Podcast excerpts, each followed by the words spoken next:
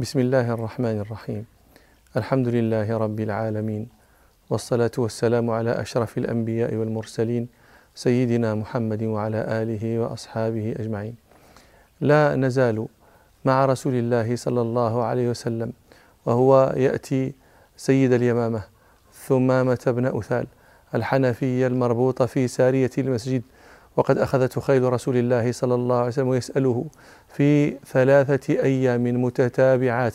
يسأله ما عندك يا ثمامة؟ وثمامة لا يغير كلامه في الأيام الثلاثة. يقول له آه، إن تقتل تقتل ذا دم وإن تمن تمن على شاكر وإن كنت تريد المال فسل منه ما شئت تعطى. فلما أمر رسول الله صلى الله عليه وسلم في اليوم الثالث أن يطلق سراحه خرج هو فاغتسل خارج المسجد ثم رجع فتشهد شهادة الحق.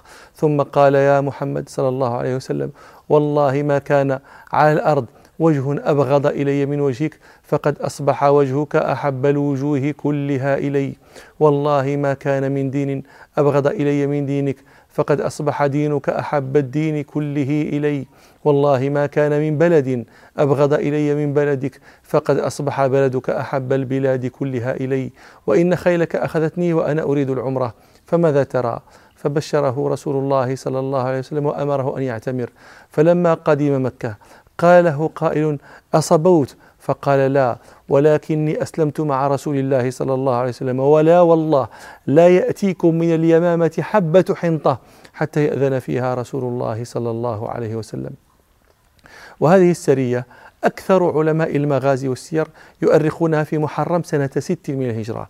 وهذا فيه نظر لأن راوي القصة أبا هريرة رضي الله عنه إنما جاء مسلما مع قومه دوس ولحق رسول الله صلى الله عليه وسلم بعد فراغه من خيبر.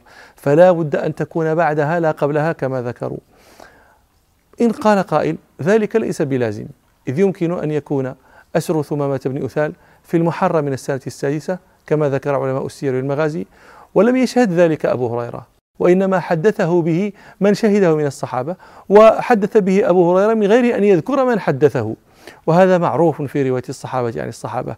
عائشة رضي الله عنها تحدث بحديث بدء الوحي هي لم تشهده ولم تذكر من عمن أخذته من الصحابة. وهذا يمكن أن يقال فيما نحن بصدده إلا أنه قد روى البيهقي بإسناد صحيح.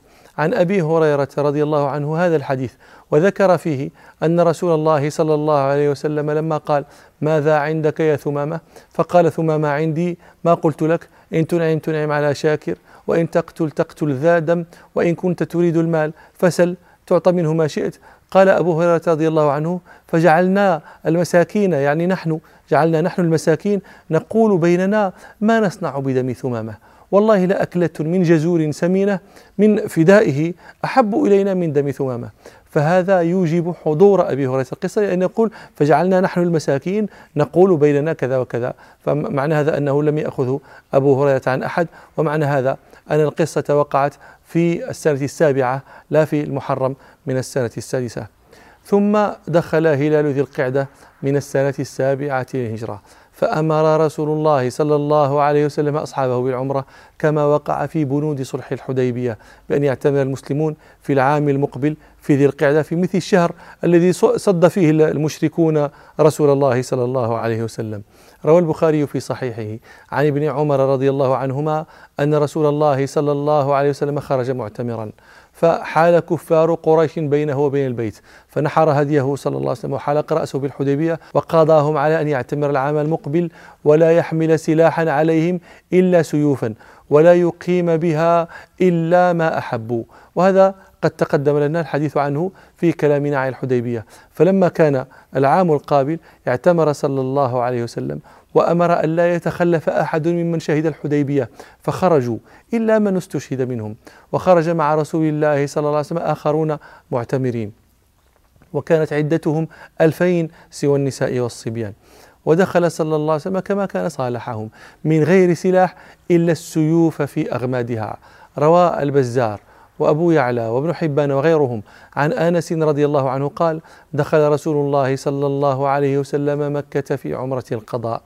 وعبد الله بن رواحة آخذ بغرزه يرتجز يقول خلوا بني الكفار عن سبيله اليوم نضربكم على تنزيله ضربا يزيل الهام عن مقيله ويذهل الخليل عن خليله قد أنزل الرحمن في تنزيله بأن خير القتل في سبيله.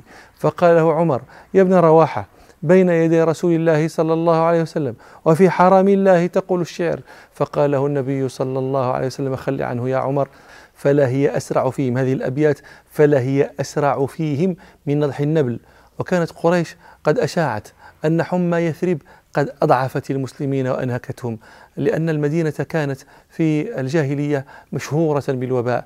كان هواؤها عافنا وخما فإذا دخلها غريب آه، وعك فيقال له إن أردت أن تسلم من الوباء فانهق عشر نهقات. وهذا مما كانت العرب اختلقته في جاهليتها. وإليه الإشارة بقول الشيخ البدوي رحمه الله في عموده واختلقوا التعشير أن يعشرا من النهيق بحذاء خيبرا وطيبة آتيهما ليسلما بذلك التعشير من وباهما.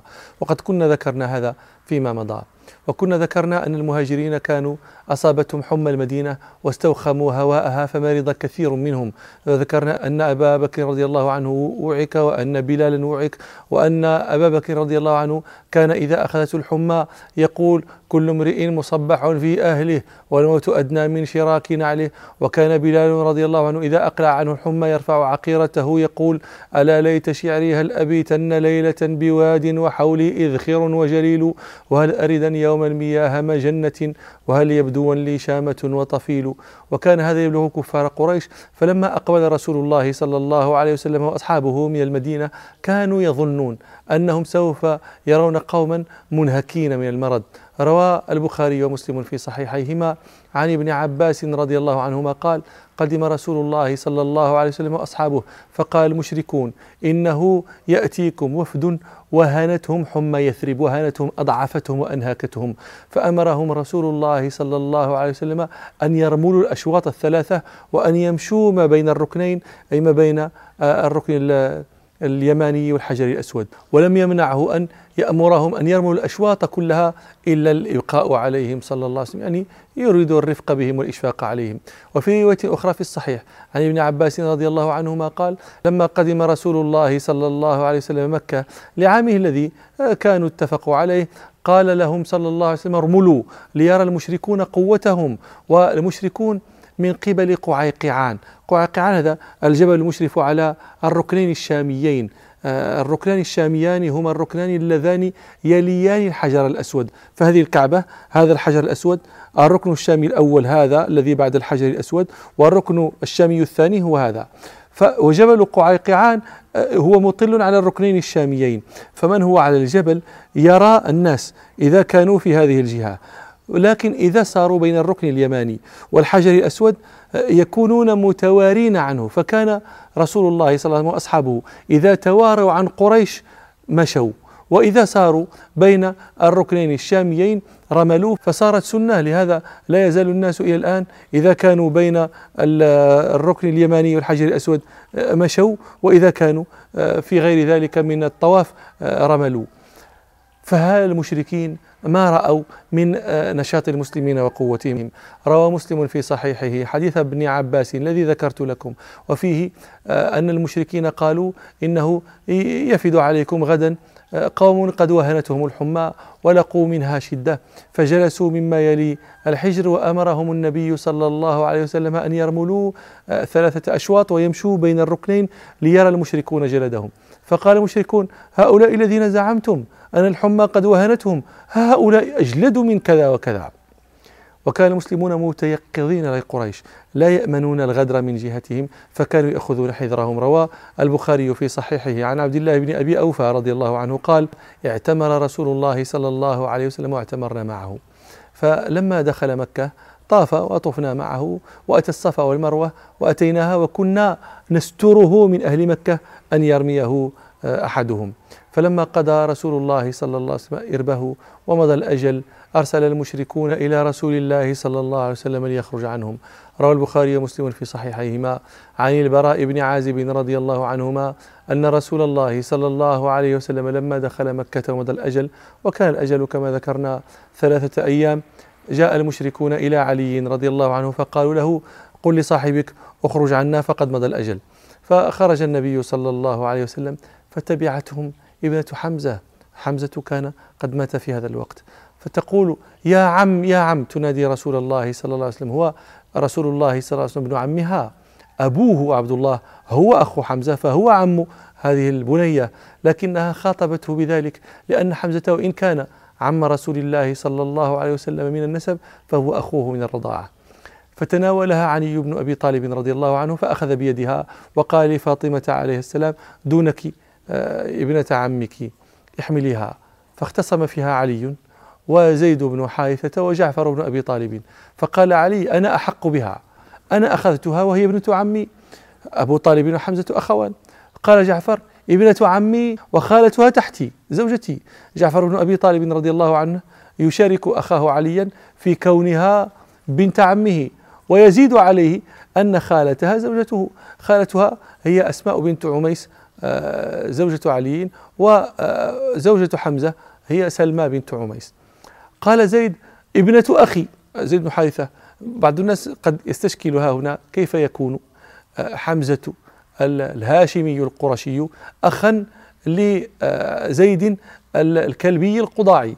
الجواب أن رسول الله صلى الله عليه وسلم كان آخا بينهما. فكان حينئذ لكل واحد من هؤلاء الثلاثة شبهة في هذه البنية. زيد للأخوة التي ذكرها وعلي آه، لأنه ابن عمها. وجعفر لأنه ابن عمها ولأن خالتها عنده فترجح جانبه هو لأنه اجتمع عنده قرابتان قرابته هو وقرابة زوجته دون الآخرين. ولذلك قضى بها رسول الله صلى الله عليه وسلم له فقال صلى الله عليه وسلم الخالة بمنزلة الأم فقضى بها لخالتها. وقال لعلي رضي الله عنه أنت مني وأنا منك. وقال لجعفر أشبهت خلقي وخلقي. وقال لزيد أنت أخونا ومولانا. ثم انصرف رسول الله صلى الله عليه وسلم. فكانت تلك العمرة هي وعد الله عز وجل الذي وعد رسوله صلى الله عليه وسلم في قوله لقد صدق الله رسوله الرؤيا بالحق لتدخلن المسجد الحرام إن شاء الله آمنين. محلقين رؤوسكم ومقصرين لا تخافون. وفي هذه العمرة تزوج رسول الله صلى الله عليه وسلم ميمونة بنت الحارث الهلالية رضي الله عنها. كان اسمها برة فسماها رسول الله صلى الله عليه وسلم ميمونة وهي أخت أم الفضل لبابة بنت الحارث زوج العباس بن عبد المطلب رضي الله عنه أم عبد الله بن عباس. وهذه هي لبابة الكبرى. وأخت عصماء بنت الحارث التي هي لبابة الصغرى وهي أم خالد بن الوليد. فعندما يقول ابن عباس بت عند رسول الله صلى الله عليه وسلم في بيت ميمونة لماذا؟ لأنها خالته فتزوجها رسول الله صلى الله عليه وسلم بعد فراغه من عمرة القضاء وبنى بها بسرف. هذا كان موضعا قريبا من مكة في طريق المدينة. صار الآن أحد أحياء ضواحي مكة في شمالها الغربي. روى أحمد وأبو داود عن ميمونة رضي الله عنها قالت تزوجني رسول الله صلى الله عليه وسلم ونحن حلال بسرف بعدما رجعنا من مكة. ثم دخلت السنة الثامنة للهجرة. وفي صفر أسلم خالد بن الوليد وعمرو بن العاص روى أحمد والطحاوي في شرح مشكل الآثار والبيهقي والحاكم وغيرهم. عن عمرو بن العاص رضي الله عنه قال لما انصرفنا من الأحزاب عن الخندق جمعت رجال من قريش كانوا يرون مكاني ويسمعون مني. فقلت لهم تعلمون والله إني لأرى أمر محمد صلى الله عليه وسلم يعلو الأمور علوا كبيرا وإني قد رأيت رأيا فما ترون فيه؟ قالوا وما رأيت؟ قال رأيت أن نلحق بالنجاشي فنكون عنده. فإن ظهر محمد على قومنا كنا عند النجاشي. فإن أن نكون تحت يديه أحب إلينا من أن نكون تحت يدي محمد صلى الله عليه وسلم. وإن ظهر قومنا فنحن من قد عرفوا فلن يأتينا منهم إلا خير. فقالوا نعم الرأي ما رأيت. قال فقلت لهم اجمعوا له ما نهدي له. قال وكان أحب ما يهدى إليه من أرضنا الأدم. الأدم الجلود المدبوغة قد تقدم لنا هذا. قال فجمعنا له أدما كثيرا فخرجنا حتى قدمنا عليه. فإن لعنده إذ جاء عمرو بن أمية الضمري. وقد كان رسول الله صلى الله عليه وسلم بعثه إليه في شأن جعفر وأصحابه يعني بعثه ليأتيه بهم كما كنا ذكرنا من قبل فبعثهم النجاشي فأتوه ورسول الله صلى الله عليه وسلم في خيبر. قال فدخل عليه ثم خرج من عنده فقال عمرو لأصحابه هذا عمرو بن أمية لو قد دخلت على النجاشي فسألته إياه فأعطانيه فضربت عنقه.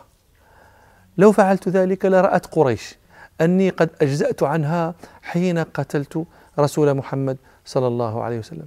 قال فدخلت عليه ونكمل حديثنا فيما نستقبل إن شاء الله. سبحانك اللهم وبحمدك. أشهد أن لا إله إلا أنت أستغفرك وأتوب إليك. والحمد لله رب العالمين.